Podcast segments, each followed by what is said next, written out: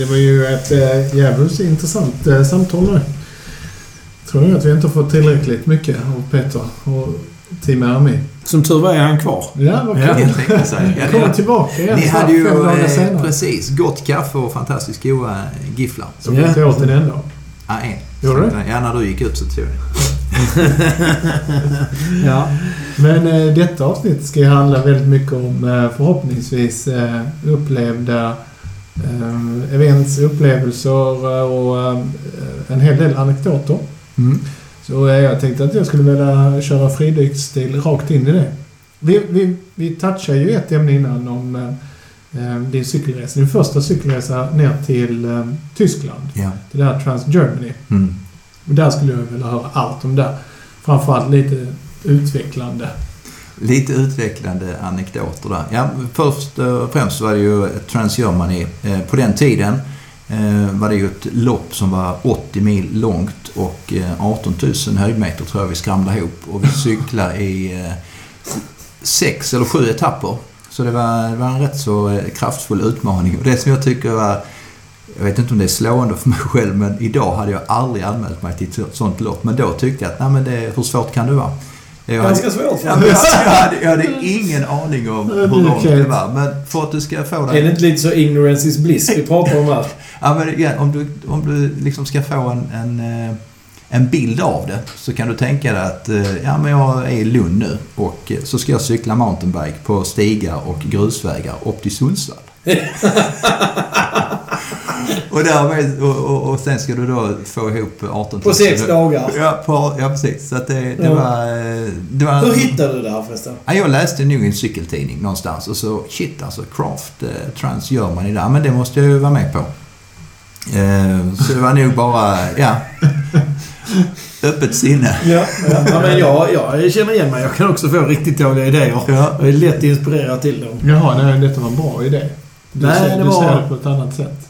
Jag vet, när jag säger dåliga idéer säger jag det med mycket, mycket stor värme. Ja, det gör det. Det, Ja, nej, så att det, det var, var superhäftigt. Och sen löste de alltihopa. eh, Flyget ner till München och sen kom de och hämtade mig. Och så var vi ett gäng på, eh, var nog 20 stycken i det här teamet Craft and Friends som jag har cyklat med senare också. hur mycket mountainbike hade du, vad hade du för förkunskaper? Inte, inte så mycket. Eh, Det är ju ändå... Ja, jag hade cyklat lite grann. Eh, Det hade jag gjort. Men eh, inte jättemycket. Och så jag köpte ju loss en, en Giant-cykel. En fulldämpad variant som jag cyklar på där nere som, Ah. som eh, levererar bra. Eh, Det var Nej. inte cykeln som satte gränserna? Nej, nej, det var det, nej, definitivt inte. Det var det, det, var det inte. Men, men eh, de var... eh, Ja, det var bra. Väldigt bra arrangemang och ett fantastiskt eh, gäng att, köra med. Där var både de som jobbar på Craft i eh, Tyskland och där var kunder till dem som var där. Och sen så var det någon fotograf och någon journalist som skrev också eh, om det här loppet. Så det, var, det var jättebra. Det är rätt coolt alltså. Av alla kundevent. Det är svårt att få kunder till att ställa upp på en eh, allsvensk fotbollsmatch och följa med där när allting är gratis. Mm. Men just dra en kund med på eh, ett sånt här lopp som Mm. har 80 mil framför sig av Ja. ren kärlek. Ja. Var det tekniskt stig också? Inte så mycket. Ofta loppen i, i eh, Tyskland, de jag har kört i alla fall, har inte varit eh, supertekniska. Och är det någon eh, sträckning med lite halvavancerad stig så brukar det alltid bli som en liten propp där. Mm. Loppen nu i, i Polen har varit av en annan dignitet. Det är lite grann mer, mer tekniskt faktiskt. Som är, så är lite grann mer utmanande. Det är det. Ja, coolt. Nej, det måste ju tyda på väldigt goda relationer med kunder. Man får med kunder på sådana saker. Ja, ja, det, ja det är stort. Det, ja, det var jättekul. Och där var många av de kunderna som kom tillbaks år efter år. Där var även någon, eh, någon kille som jobbar som cykelguide.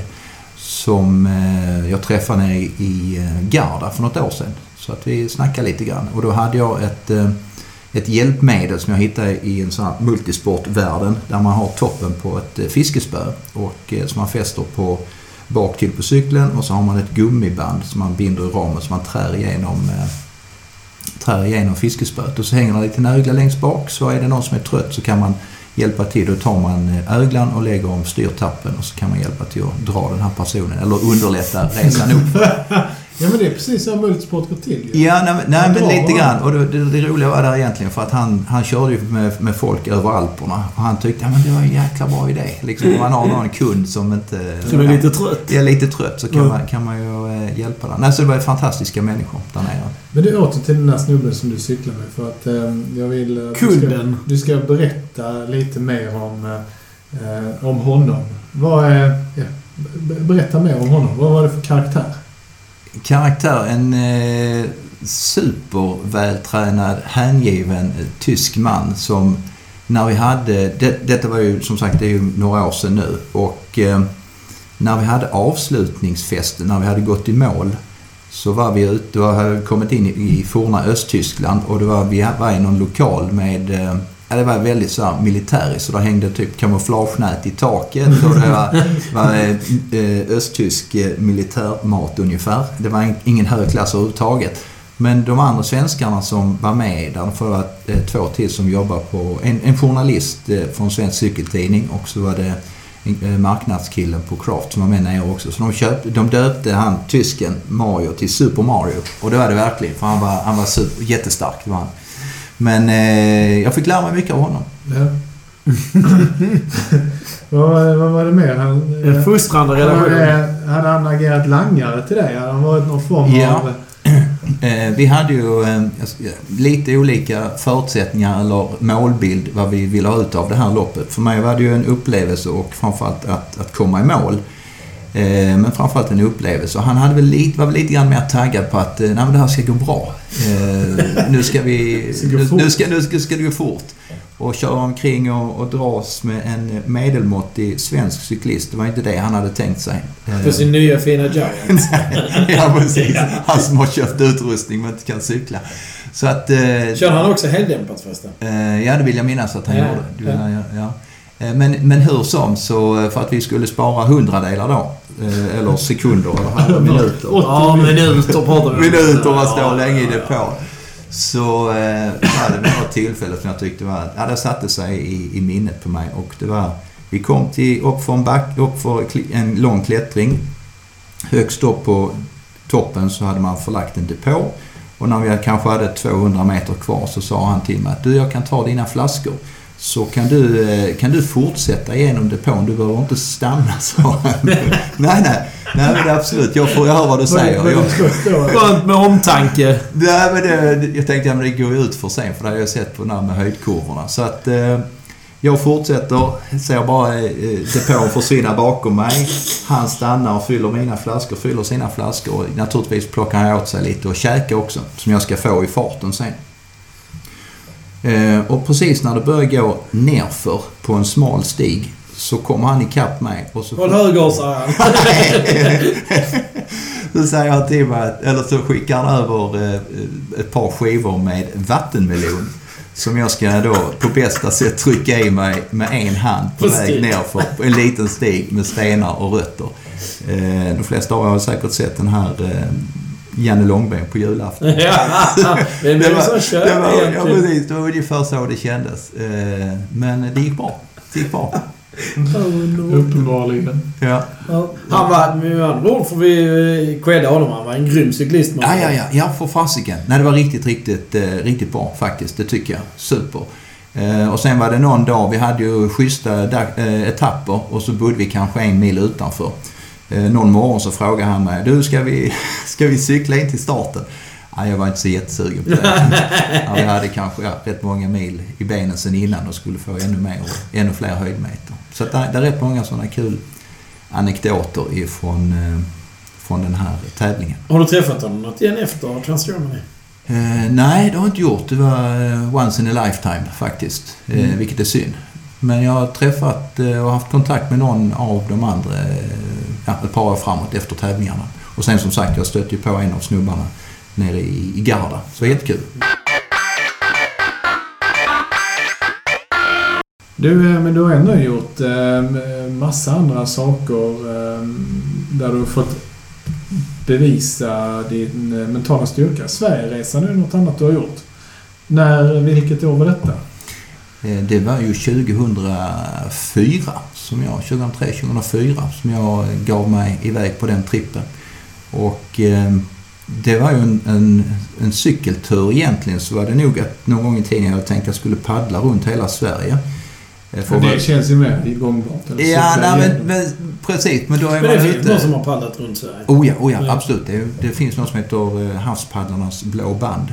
Men då inser jag att det skulle ta väldigt lång tid och sen Mm. är det ju inte sådär yippee när du kommer ner till söder om Göteborg och du ska ta dig runt hela Skånekusten där det är ungefär lika upphetsande som att cykla på en parkeringsplats. Du har, eh, nej men du har, du har liksom eh, en sandstrand på vänster sida och sen öppet hav. Det händer ingenting. Ja. Så då blev, det, då blev det att jag eh, fokuserar in på cykel som jag tycker är ett schysst sätt att förflytta sig. Ja. Och då har jag väl gått hemma, jag ska inte säga att jag har gått och gnällt, men jag hade försökt att plantera tanken både för mig själv och även för Annika. Och eh, när jag har gjort det tillräckligt länge så tyckte Annika att, eh, nej men Sluta tjata.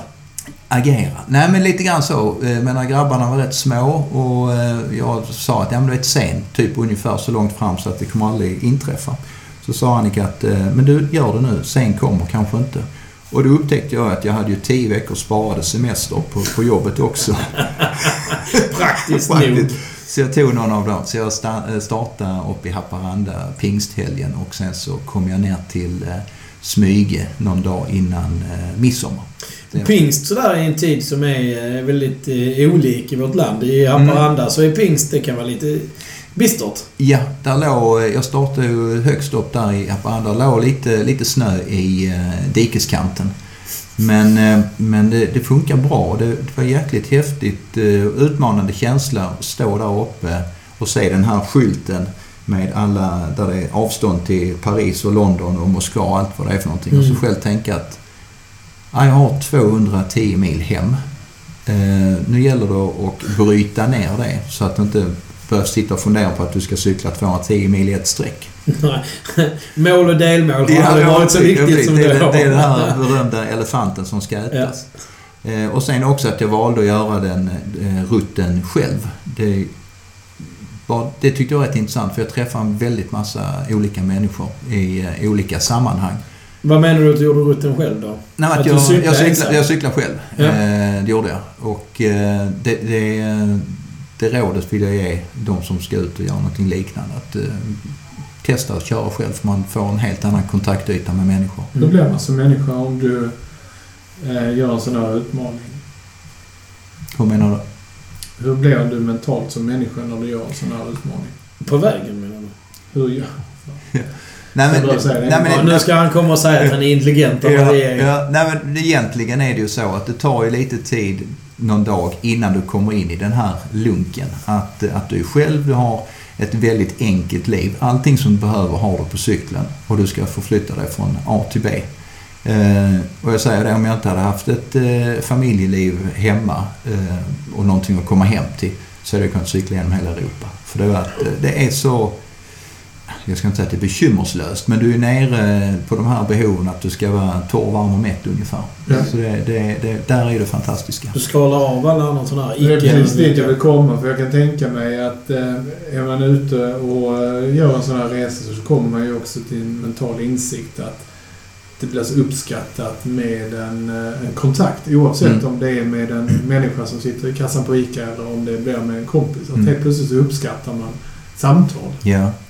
Eh, jo, men jag, det, absolut. Och jag gjorde ju så här för att eh, inspirera andra människor till att kanske inte göra något liknande. Ja, kanske det också, men, men framförallt att inspirera människor. Så att jag dök in på alla möjliga dagstidningar och sa att det här gör jag och vill ni skriva om det? Och jag fick inte ett enda nej. Så att de tyckte att eh, ja, killen som cyklar ifrån eh, Haparanda ner till Smyge och eh, så de skrev om det. Så att jag var inne på alla möjliga, Bollnäs tidningar och allt vad det var för fick, eh. Ja, och sen, sen just det här med att träffa människor. Eh, en grej var ju när jag kom ner mot eh, Motala till när jag skulle fylla på lite vatten mina flaskor. Gjorde det på en Statoilmack.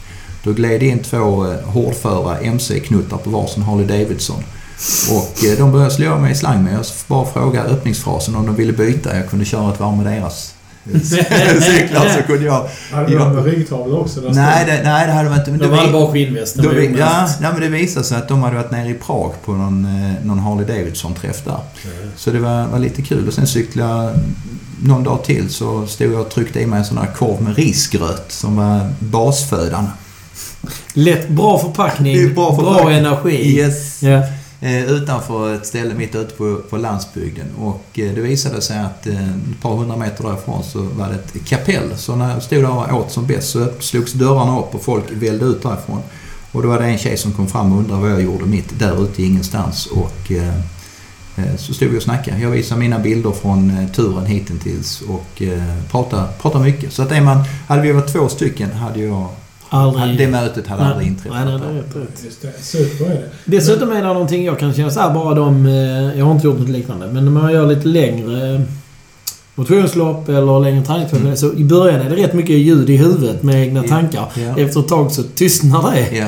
Och så blir det lite renare. Man, blir, man rensar skallen på något sätt. Mm. Eh, Låter flummigt och lite klyschigt. Men, men det tystnar. eh, Även de egna tankarna blir lite... Det är, det, det är ju egentligen det som är fördelen med att vara ute lite längre. Att du kommer in i den här eh, fältlunken så att säga. Att du, kroppen anpassar sig och tankeverksamheten och alltihopa. Mm. Så det, det Mm. kan nog vara. Det är intressant. Och eh, nu har vi gått... Eh, nu känns det som att Sverigerundan är en... Eller Sverigeresan är en, ett par timmar lång. Det är den ju inte. Så hur många dagar är det mellan pingst och midsommar? Det året du hade... Nej, jag var ute i, i 21 dagar och eh, jag hade lite sociala stopp längs med vägen med gamla bekanta. Eh, Så jag... 21 dagar och snittade när jag cyklade ungefär en 12-14 mil per dag. Var bodde du någonstans? Eller hur bodde Eh, hur bodde jag? Första natten, nu ska jag inte dra alla nätter här, men det var lite kul för en kollega då på Seaglass, eh, han fixade så att jag, när jag cyklade från Haparanda ner till Kalix, det var 5-6 mil, då tyckte han, nej men vad fasken, en sån här grej, du måste ju bo vettigt ju. Så han ordnade en, en natt på Stadshotellet i, I Kalix. i Kalix till mig. Med rum med bastu och alltihopa. Så Oj. det var en, var en bra start. Sen bodde jag... tank- Börjar lätt. Ja, absolut. Akklimatisera sig. Eh, annars var tank, min tanke var så att jag skulle eh, bo i tält tre, fyra nätter och sen så in på typ vandrarhem eller hotell för att eh, fräscha till mig. Men jag inser det efter ett tag att det var rätt skönt att göra tvärtom. Så att det blev... Eh, Tre, fyra nätter på vandrarhem. Ja, och sen så blev det någon tältnätter. Det var, det var en jäkligt bra lösning. Och nu var jag ute och körde så pass tidigt på säsongen så att det var aldrig problem att hitta rum. Eh, Så det, det funkar, funkar kanonbra. Vilken del av Sverige var vackrast? Eh, norr tyckte jag var, var vackert för där var ju eh, vidderna, inte, ja vidderna, eller i distanserna. Ja. Det var det. Där du kunde cykla nästan på en hel dag utan att du kom förbi någon, någon by. Alltså det var helt, helt enormt. Eh, hur stort Sverige är. Och när jag kom ner då till Sundsvall efter ja, det är typ en och en halv vecka, då, då insåg jag också att nu har jag gjort hälften. Mm. Eh, ja, Sundsvall är sådär, det känns, det känns när man bor i Skåne känns det Sundsvall som Norrland. Ja. Duktigt. Men Ja. Det, är bara, porten till Norrland. Ja, men lite grann så. Så att, eh, nej, det var väldigt, eh, väldigt, väldigt lärorikt. En fantastisk resa. Så, Jag har en sån med vidunderliga vidderna men eh, någon gång på väg till Sälen eller Mora så liksom ut från Ludvika. Nej, det måste vara på väg till Falun då. Ja, skitsamma. Men ut från Ludvika så, bara, så öppnar sig så är vägen så här jätterak. Och så går den genom en skog. Mm. Är helt o... Alltså det är bara... Skogen bara matar, matar, matar. Och så går det liksom mot ett fjäll. Så jag har fjället Ja. framför. Vägen går rakt mot Ja. fjället. Det är skog på båda Ja. sidorna. Och den är ju den är lång den här vägen. Det kändes bara så bara... Ja, här och norrut finns enormt mycket. Men det finns inga människor. nej, nej. Det är, jag, jag minns jag tog en bild där jag hade cyklat eh, rätt så långt och eh, vägen är bara så spikrak. Eh, så jag är bara, ja, låta tankarna fladdra helt Mm. enkelt och trampa på. Ja. Men under den här resan, eh, var du med om några otäckheter eller eh, var det några oförutsedda händelser? En punktering. En punktering Fick du en punktering? på 21 Ja, det dagar. vill tänka sig. Ja, men det, ja, nej, absolut. Eh, Det var inga... eh, Nej, ingenting alls. Jag vet att du hade en kvalitetscykel från Varberg. Ja, precis. Ja, det har jag. Eh, Men absolut. den hade du kvar nu. Ja, den hänger. Den väntar på sin plats i pojkrummet sen. Eller min mancave. Vad hade den för, eh, vad hade du för komponenter på cykeln, tänker jag? Det var eh, XT. Hade. Vad det roliga var där egentligen, jag köpte, köpte den hojen begagnad av en kille som hade haft ambitionen att han och hans flickvän skulle göra en, en liknande resa. Men det blev aldrig så. för deras... Eh, det slut ingen aning, men eh, nubbarna på däcket var kvar liksom. Den hade inte rullat många meter. Och en jättefantastisk eh, cykel. Crescent stålram. Ja. Ja. XT-komponenter.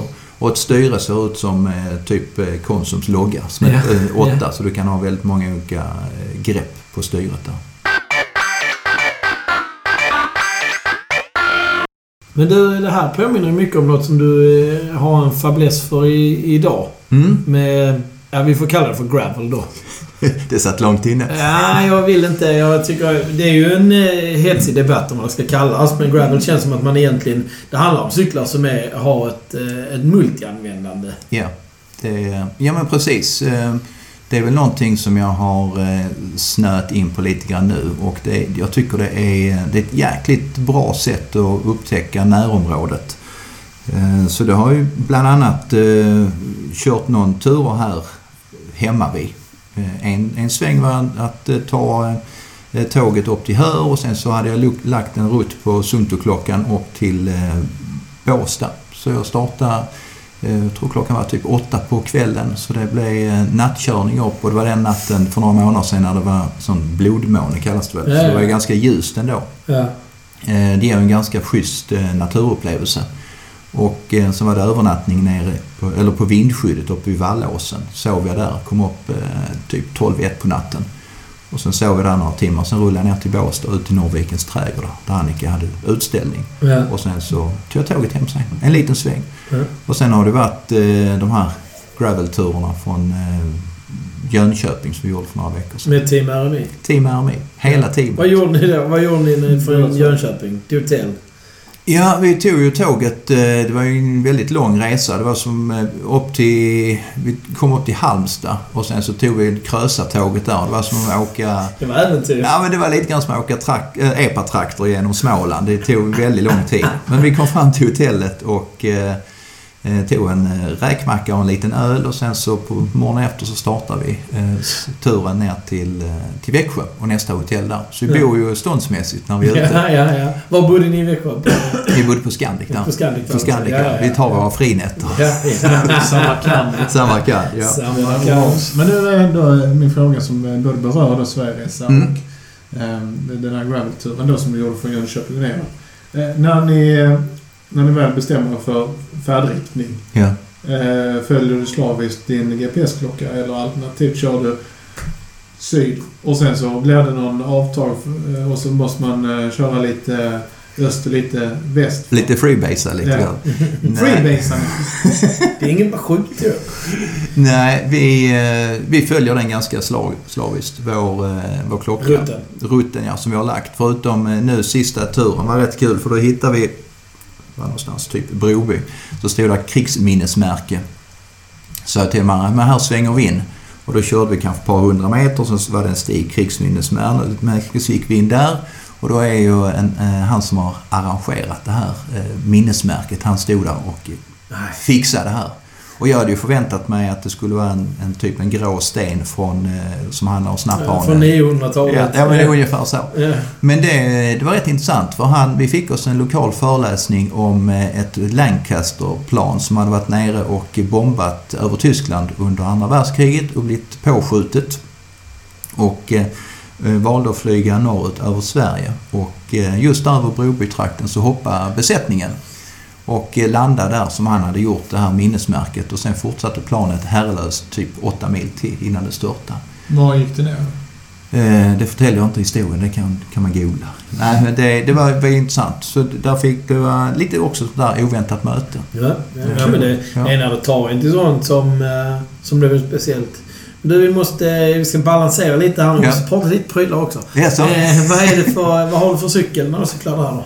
När du Eh, pratar gravel? Gravel, där eh, har jag eh, köpt ut dels en Trek Checkpoint SL6. Mm. En lite snabbare historia. Den köpte jag egentligen för att jag ska göra det här loppet uppe i Dalsland nästa år. Så tänkte jag men då får jag en lite piggare cykel. Och sen Vad är det för cykel för den som inte vet? Det är ju egentligen det är en, en, en gravelcykel som är byggd som en, en lite dämpning i sadelrör sådär med, Ja. och eh, ska jag säga, ja, mellanting mellan en mountainbike och en, och en landsvägscykel. Den är, nej, den är, den är, den är väldigt schysst. Lite. Hjuldimension?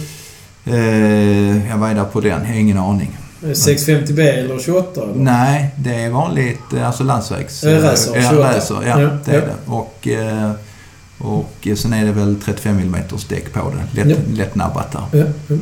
Och sen köpte jag även en lite... Skivbromsar eller? Skiv, ja, det är skiv. Alltså, finns det annat? Eh, Ja. Eh, sen så köpte jag även en eh, Trek eh, 920 som är, den är byggd på 29 tums mountainbike-hjul, boxstyre och sen så har du rejält med lastkapacitet, både lowrider fram och pakethållare bak och en aluminiumram. Det är ju en... Den är, jag vill påstå att den kanske inte riktigt är gravel utan den är kanske mer Det är med- eh, Ja, äventyrscykel. ja, man kan kalla det absolut. Där har vi ju bild på. Just det. När Du är uppe på Hallandsåsen eller? Nej, är det, jag har ju ett, eh, vi har ju pratat lite grann om komfortzon och sådär. Och eh, jag har ett projekt, vet jag om jag ska kalla det, låter pretentiöst. Men jag har tänkt mig att jag ska ha en natt ute i månaden. Eh, det vill säga att det är antingen tält eller vindskydd eller någonting som passar. Och eh, det är också för att hålla komfortzonen lite, lite bredare. Så just den bilden var ifrån eh, Rummelklint när jag cyklade upp där och eh, tältade en natt i november i fjol. Ja, ja, men där har vi varit. Vi har cyklat förbi här någon gång. Ja, det är en jättefin eh, ställe. Jag kom väl fram där när det var mörkt. För jag brukar göra så att jag sticker eh, rätt så sent på kvällen och eh, sen så ut, slår upp tältet eller kryper in i vindskyddet, övernattar och sen så kan jag vara hemma och börja jobba igen vid åtta tiden dagen efter. Så det är inga stora grejer men det är just där att komma ut och andas frisk luft. Men där var det... Vi har ju ganska mycket vildsvin nere i, i Skåne. Och eh, när jag hade krupit in i tältet där så hör jag hur det börjar liksom grymta några hundratal meter längre bort. Så att, eh, det var lite... lite blir här- ödmjuk fort som Ja, nej, det är ju, de här, än så länge har vi inte de här attackvildsvinen i Skåne så att det är ju ingen fara. Det är det inte. Kolla på Team Hermés eh, bloggsport eh, hemsida. Där är foto från en av resorna ni har gjort från december 2012. Där det ligger ett, det måste vara ett skjutet vildsvin. Ja, ja precis. Vi cyklade förbi någon eh, jägare så eh, låg det ett litet vildsvin på, eh, på flaket där. Ja. Det smakar gott. Mm. Ja. Men det är... Jag har ju haft mycket... När jag jobbade som polishundförare så var det man ju väldigt ofta ute där kanske folk rörde sig mindre med hunden. Mm. Och... Eh, ja, man blir fort ödmjuk när det brakar i skogen och då är det ofta mörkt. Och så Ja. i, när man är polis vill man vara taktisk, man har ingen lampa heller. Nej. Så att man har egentligen bara ledbelysning med rödljus på något sätt. Ja. För att få se var hunden är och så hör man att det brakar bara. Man bara väntar på att det ska smälla i sidan. ja, det är stora pjäser. Vi har ju sett eh, många när vi har varit ute och, ja, men när vi har varit ute och kört framförallt då på, på höst och vinter. När man kör med pannlampa och det är som du säger, det bara smäller till i skogen och så är det en, ja, stora galtar som, som rör på sig. Så att visst. Eh, Men, men eh, vildsvin i all ära, men min grundinställning är väl att eh, de ska inte påverka mitt uteliv. Nej, det är helt rätt. ganska, ja, precis. Be dem att fara. Ja. Eh, Sverigeresan, är det den resan du har gjort som har haft mest bestående ska man säga, intryck? Både ja och nej egentligen. Så det är ju det är en typ av resa med tanke på att den var under så pass lång tid. Och eh, annars är de här turerna ner till Europa när vi har cyklat där. Det har varit eh, Trans-Germany och Four Peaks och Trans-Schwarzwald och Sydent MTB och Beskid och allt vad de heter för någonting. Det är en fantastisk... Men det känns som... Det är möjligt att det bara är min umgängeskrets som Mm. gör att det är. Men det känns som det är något som folk har upptäckt och tycker är ett, eh, en bra utmaning, de här etapploppen. Ja. Ja.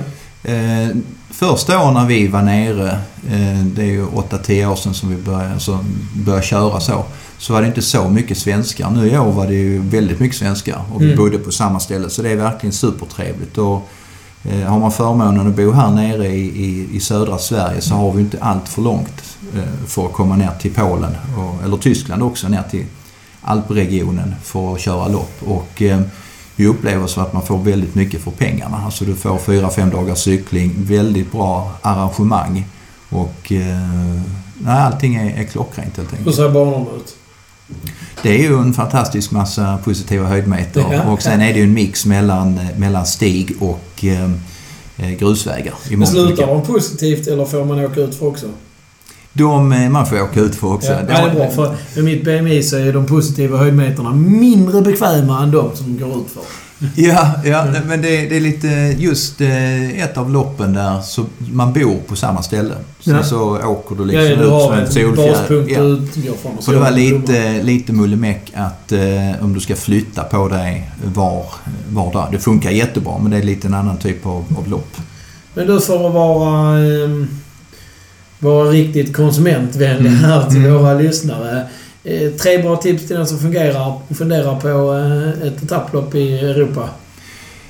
Där är det väl så att eh, sätt inga begränsningar på dig själv utan eh, och ta det för vad det är. Och eh, åk, ner, eh, åk ner förutsättningslöst. Prova på det och framförallt våga. Eh, vi tycker ju så här att det finns jättefina lopp i Sverige. Eh, det är Cykelvasan och det är Långloppskuppen. Men eh, det finns så mycket nere i Europa och eh, det, är inte, det, känns, det är inte jobbigt att ta sig ner där. Och det, det funkar superbra. Det är ju faktiskt 90 mil upp till, till Cykelvasan. Ja. Och tar du... Eller ja, det beror på var man startar givetvis. Sälen. Ja, men startar Härifrån.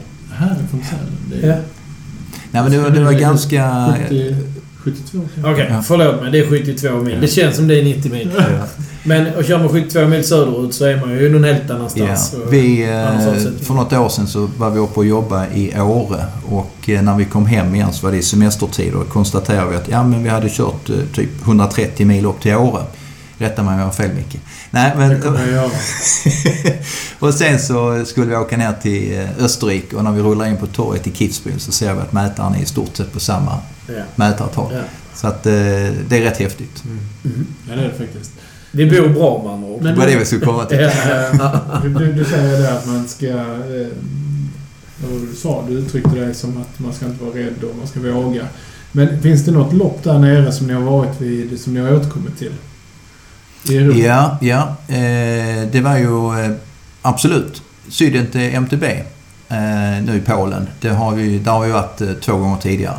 Så att eh, det har vi återvänt till. Är det organisationer? För vi i denna podden gillar ju organisationer och pratar om Mm. det. Vi har fastnat för det när vi, när vi bedömer tävlingar vi är med i. Så blir vi imponerade när organisationen är bra. Så lyft Ja. gärna. Vad är det för bra med... Varför ska man återkomma dit?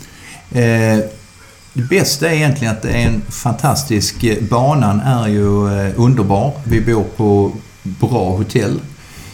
Eh, bra organiserat. Alltså det är aldrig någon sån här risk att du ska köra fel och det känns eh, ganska safe med att de har motorcyklar ute med eh, sjukvårdspersonal. Sen om man vill vara ännu, ha det ännu bättre så tror jag nog att de tyska loppen är eh, ett strå vassare när det gäller organisation för de är, de är också fantastiskt duktiga. Men eh, i Polen, positivt överraskade. Absolut. Och vi har väl funderat även på att kanske flytta gränsen ytterligare och försöka hitta något lopp i Tjeckien eller någonting sånt där.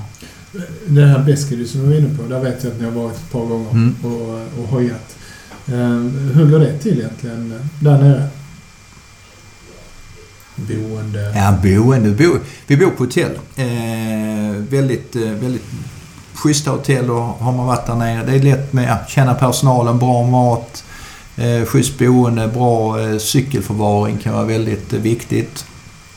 Eh, bra möjlighet att eh, tvätta cyklarna. Först så tar man ju och eh, sköljer av dem rejält eh, när man går i mål och sen så har du då finliret när du kommer till hotellet.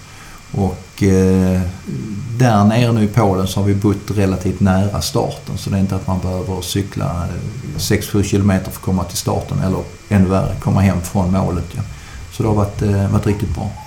Men när du säger det, förutsättningarna för att tvätta bra. Är det lite som, jag vet när man är och skidor i Alperna så finns det alltid ett skidrum. Mm. Alltså det märks att man, man bygger och gör för. Är mountainbike så stort i Polen att det liksom är Nej. fixat för? eller? Nej, det är det inte. Utan där- däremot är de inte helt oäven utan att du kan eh, antingen kan du låsa cykeln i ett låst rum eller kan du även i vissa fall få ta med dig cykeln upp på rummet. Mm. Så att eh, det är väldigt, väldigt bra förspänt och de fixar även så att du kan få tvätta dina kläder om du vill det. Mhm. Så det är, ja, det är väldigt, väldigt hög eh, servicenivå tycker jag. Mm. Och sen framförallt i, i depå och så, så är det, det är bra kvalitet på den. Det är ingen överutspädd eh, sportdryck utan det, det håller måttet. Mm. Mm. Att, så det är bara, bara in och, och kika på nätet, anmäla sig till loppen. Då. Ja, inte bara. Man kanske ska träna lite innan Jo, också. det är ju en sak, men det förutsätter jag att man... eh, Om man ja. tittar på Besked till exempel. Vad är en, vad är en typisk etapp? Typisk etapp eh, har du på en eh, 6-7 mil ungefär och eh, det snittar väl någonstans höjdmeter 2000 till 2500 positiva höjdmeter. Så eh, ungefär som ett eh, långlopp i Sverige i längd. Mm. Men med lite mer positiva höjdmeter. Ja, Ja. ja, det är det. Så för den som eh, funderar nu och sitter och försöker sätta det i ett sammanhang. Om du har kört någon av de här långloppscupsloppen.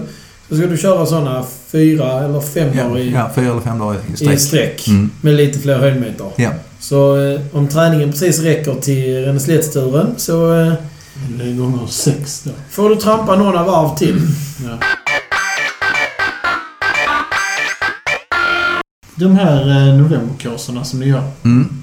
Var någonstans eh, har de eh, lett er?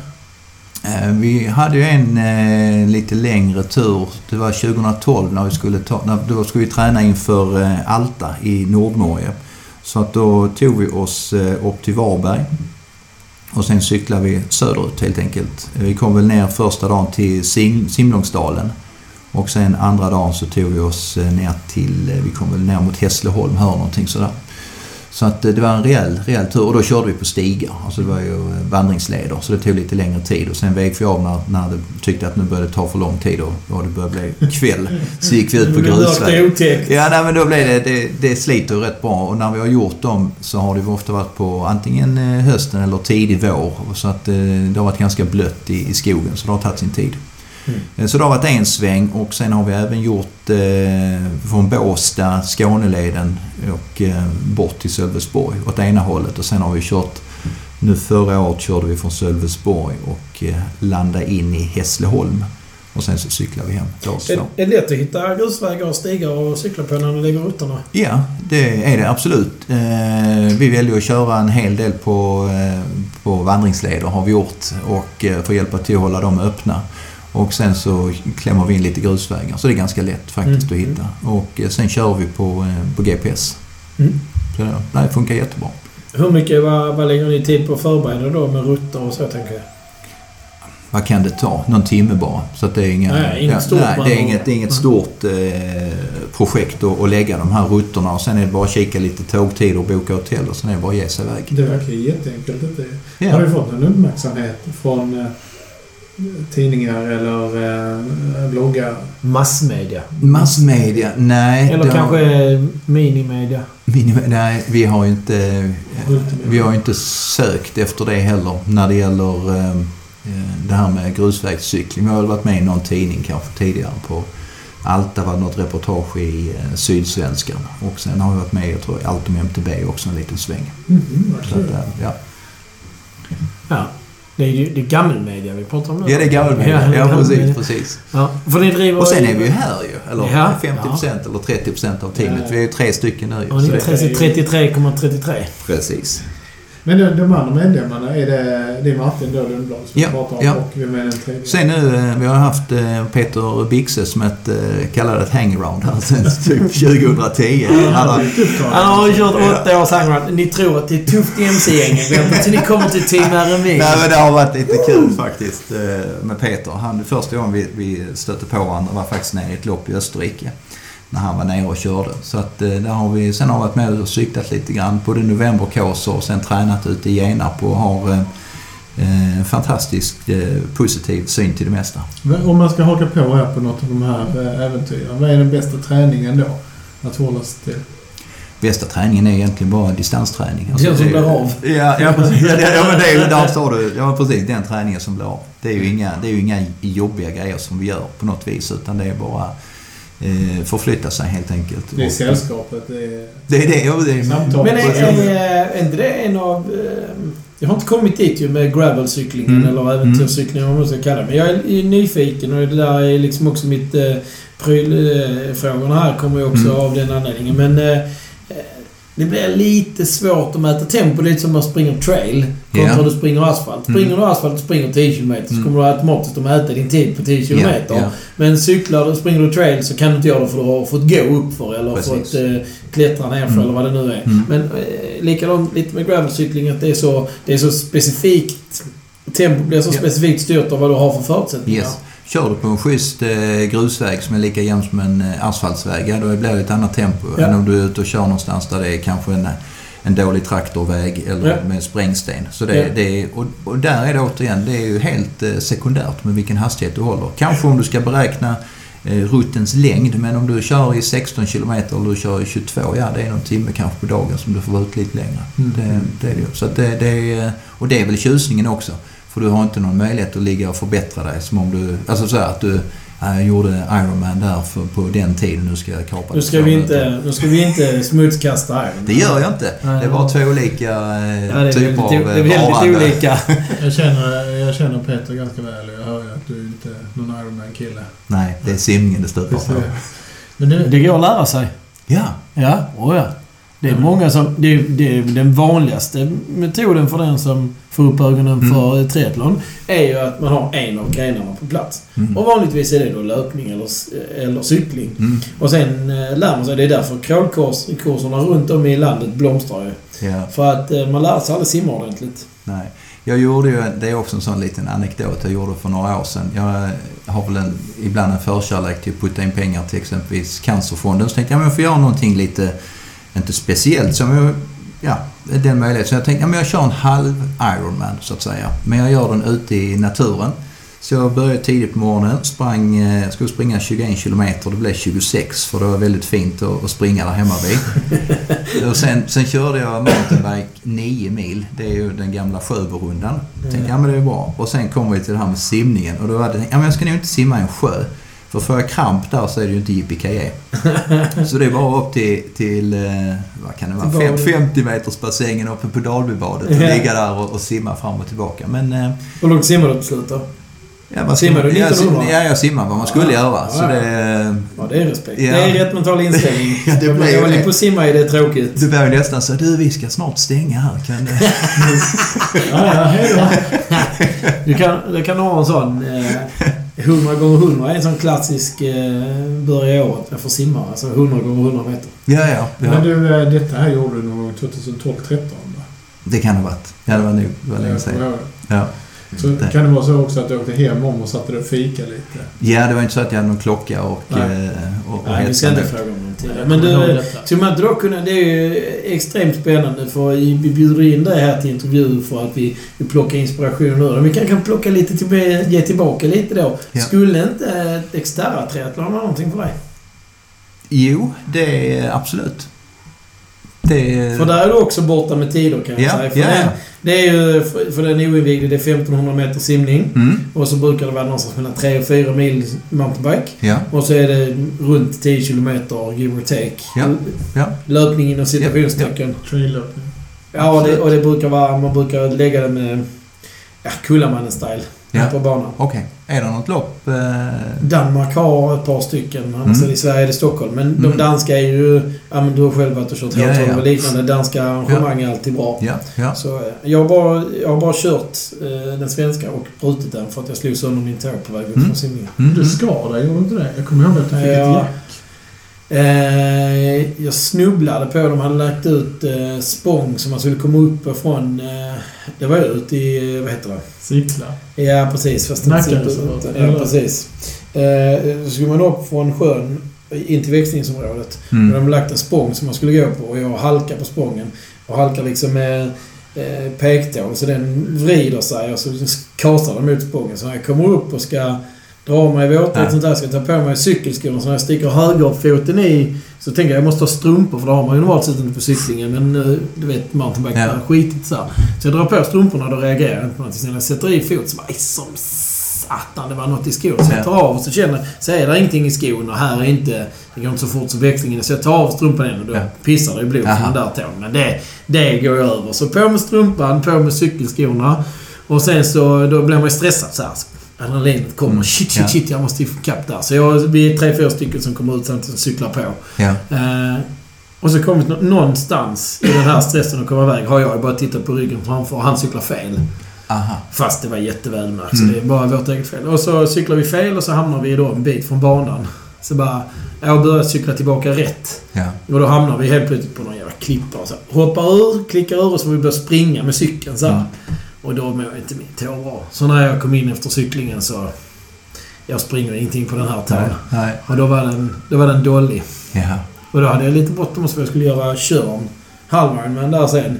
Bara två veckor senare. Okej. Så då, då bröt jag istället för att springa. Så jag har aldrig gått i mål på ett. Nej. Jag har startat men inte gått i mål. Men då eh, får det bli nästa år kanske. 2019. Ja. Eller? Ja, eller 2020. 2020.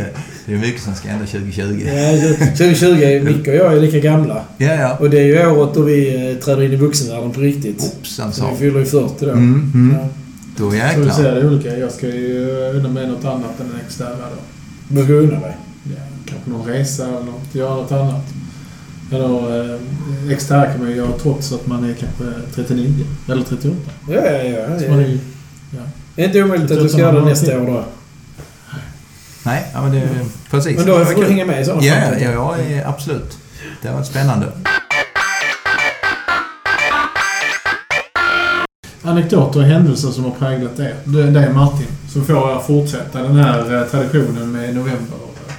Är det vänskapen? Ja, det är ju vänskapen. Eh, och sen är det, ja, men det är så jäkla gött att ha någonting eh, inplitat i kalendern och se fram emot och tänka på. Och, och vi har eh, förbaskat kul när vi, när vi är ute på våra små turer, äventyr. Det är skithäftigt, verkligen, med, eh, med de här svängarna. Så där, där, är, där är planer på mer.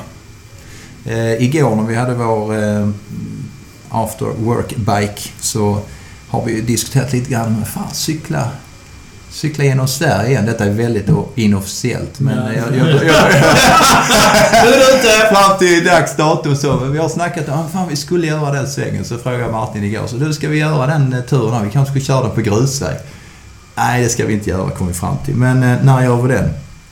Och det var ungefär som nu vi sitter här och pratar Xterra, att vi gör det långt fram i tiden. Så att det ligger kanske en, eh, en, en ny Sverigecykling 2020 då? Nej, eh, det blir det inte. blir för typ eh, 2028 eller någonting.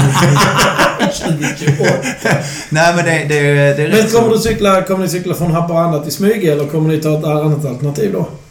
Ingen aning. Då är det ju så många år sedan jag cyklade sist och eh, jag tror att vi mycket väl skulle kunna antingen ge oss på samma sväng eller så eh, återigen kikar vi neråt. Det är ett gäng nu som ska köra eh, Trans-Germany är det en rutt som, som ligger uppe på bland annat en, en sida som heter bikepacking.com eh, där man eh, startar i Basel och sen så cyklar man norrut på väldigt, väldigt fina vägar tror jag. Eh, bikepacking. Så jag har ingen aning vad det blir. Men eh, någon sån här fantastisk eh, långcykling lär det väl bli framöver här. Någon gång i livet. Ja, han är också eh, där i tankeverksamheten att han vill detta mer än någonting annat. Ja, det, jo men det, det handlar ju om att hitta, hitta ett utrymme i, i, i livet liksom att göra det. Så att visst, eh, vi är ju i det skedet nu när vi tittar mycket på vad vi vill, vill hitta på. Eh, helt klart ju. Nutid, vad har du i, eh, i Linda framöver de kommande... Nu är det 24 dagar när vi spelar in detta till eh, julafton. Ja. Men eh, där är ju några dagar till på året. Ja.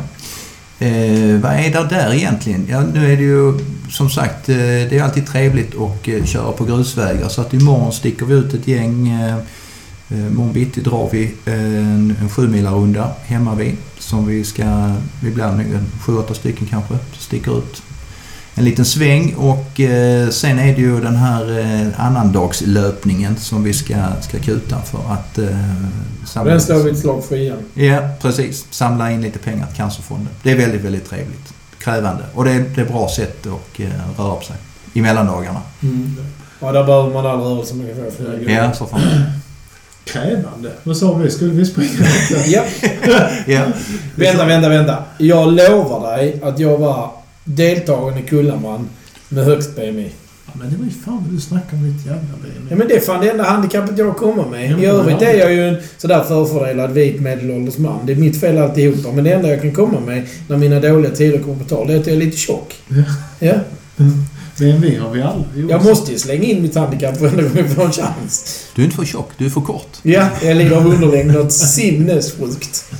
Det hade inte hjälpt att bli längre. Men eh, jag är som humlan. Ingen har berättat att jag inte kan, så jag gör det ändå. Ja, nej men det är väl, det ska man inte sätta några begränsningar. Nej. Nej, nej, nej, nej. nej. Aldrig någonsin. Då hade jag ju fått banta plötsligt. Usch ja. Det är inte aktuellt. Jag tycker om mat. Det finns ju alla anledning sen att ha ett eh, avsnitt där vi pratar om just den här annandagslöpningen. Det är ju en bred podd. Ja, den kommer tillbaka. Vi har pratat... Ja. Man kan säga så, podden i, i, i hittills jag har ju handlat väldigt lite om cykling i förhållande till att den heter Cyklisterna. Ja, just det. Mm. Kom, vi, vi ska prata cykling också. Ja, det kommer bli mycket cykling så småningom. Men så nu har vi pratat om eh, Transgermany. Det var ju fantastiskt Mm. att höra om han Mario.